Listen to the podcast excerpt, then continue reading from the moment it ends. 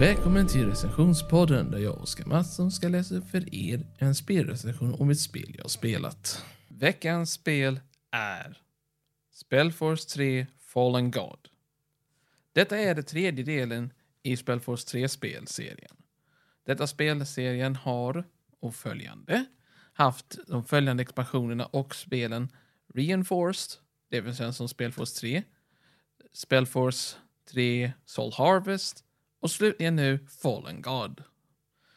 Fallen God bygger på en ny ras. Denna rasen heter Troll. Ja, inte skämtmässigt, seriöst, det är troll.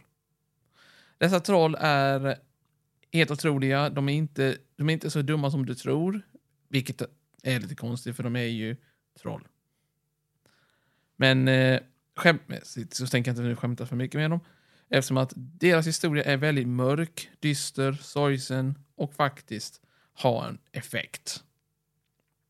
Med detta så finns äntligen historikens sjätte och sista faktion med detta spelet tillgängligt. Vilket är de sex stycken faktionerna för ljus och mörker. Tre för ljus, tre för mörkerraser.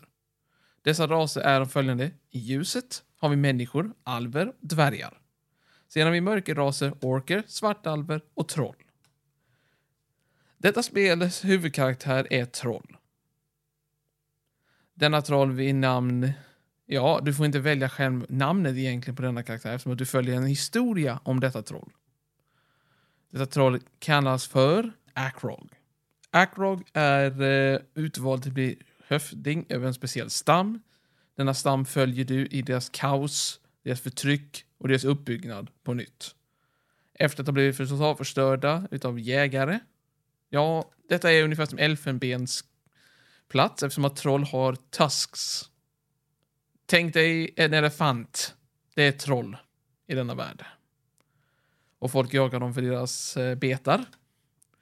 Mer eller mindre, fast det är tusks, vilket är ungefär som tänder, vilket låter sjukt. Och det är sjukt egentligen i allmänhet. Men i alla fall. Klanen med trollen är de som kämpar med... Du kan välja med olika val också med din hjältekaraktärer. Du får inte bara vara en hjälte, du får vara fyra hjältar. Och dessa fyra hjältar kommer du följa i en story och du kommer få göra val som kommer påverka en av dessa hjältar. Jag spelade igenom detta spelet en gång och upptäckte att det fanns många alternativ, många effekter, många negativa och positiva effekter beroende på detta. Och unikt nog så gör detta spelet mer roande. Du kan välja att vara en blodtrollkarl och hövding. Du kan vara en eh, närstrid eh, med lite kastspjut. Ja, det finns många olika alternativ. Alternativen också på storyn är som följande. Du kan hjälpa en by. Du kan sen upptäcka att de har använt ditt folk som slavar. Och välja sen plötsligt att bränna ner dem. Eller fortsätta med hemligheten för att du vet. Så de kommer bli mera vaksamma. I alla fall. I följande klanerna så följer du Akrog. Vi följer också hans eh, två kumpan medlemmar i klanen. En äldre troll och en lite mer annorlunda troll från en annan stam som har blivit ingjuten in i klanen eftersom att hans klan blev förintad. Det sägs i alla fall det. Och sen sist Akrogs bror. Akrogs bror är yngre än honom men är större i storleken. Lite mysko. Men i alla fall. Skillnaden är att New Blood, som han het, kallas, har eh, inte bestämt sig för vad han är. Är han blodtörstig? Är han social? Är han icke-social? Är han eh, katastrofal? Det vet ingen. Du får göra valen som bygger upp hans karaktär. Det är det som är otroligt. Du kan vara för klanen, du kan vara för dig själv. Du kan vara blodtörstig, du kan vara brutal. Eller sen sensiv, eller nej, vänta inte, sensiv är det inte förresten. Ursäkta mig. Jag menar känslig mot andra människor. Men eh, nog om det i alla fall. Så vitt jag vet, jag tänker inte avslöja för mycket om honom. Allt detta handlar om att du ska hjälpa en mystisk benefactor. En hjälpare, hjälpare som hjälper stammen plötsligen för att hitta deras inre kall. Och för att de ska kämpa emot en speciell pest som drabbat från första spelet som kallas för The Bloodburn. Om ni känner till det från föregångna spel så har ni hört talas om det eftersom att den finns med i alla Spellforce 3-spelen på något vis. inte... Första är, spelet handlar ju om att du besegrar det eller slår ner det, så det inte sprider sig. Andra spelet handlar om eftereffekten, och detta handlar också om eftereffekten, men på ett annat vis. Eftersom att troll ska vara o, otroligt starka, otroligt renblodade och liknande. Men troll påverkas på ett annat vis, de blir svagblodade på grund av detta, pesten. Detta gör det till en fruktansvärd pest för troll. Som måste faktiskt vara starkblodade, annars klarar de inte av att överleva i naturen. Det är sorgligt att se och tänka.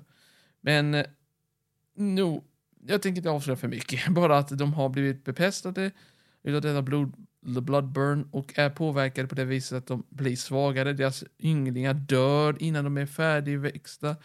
Det är fruktansvärt.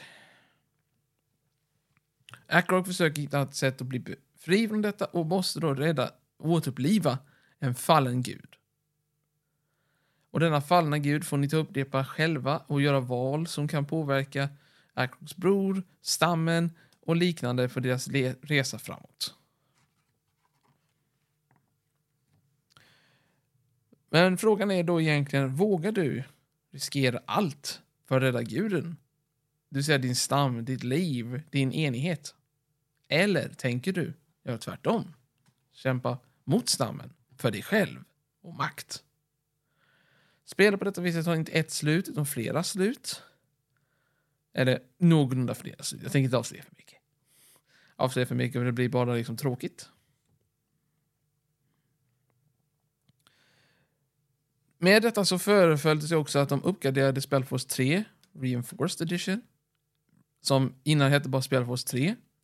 Expansionen fick också ett annat namn, eller spelet fick också ett annat namn på det viset som heter Reinforced. Och deras campaign fick ett annat namn som heter Blood Burn Saga. Ja. Lite intressant. Om jag har fel på detta med Bloodburn Saga, är därför jag inte spelat på länge.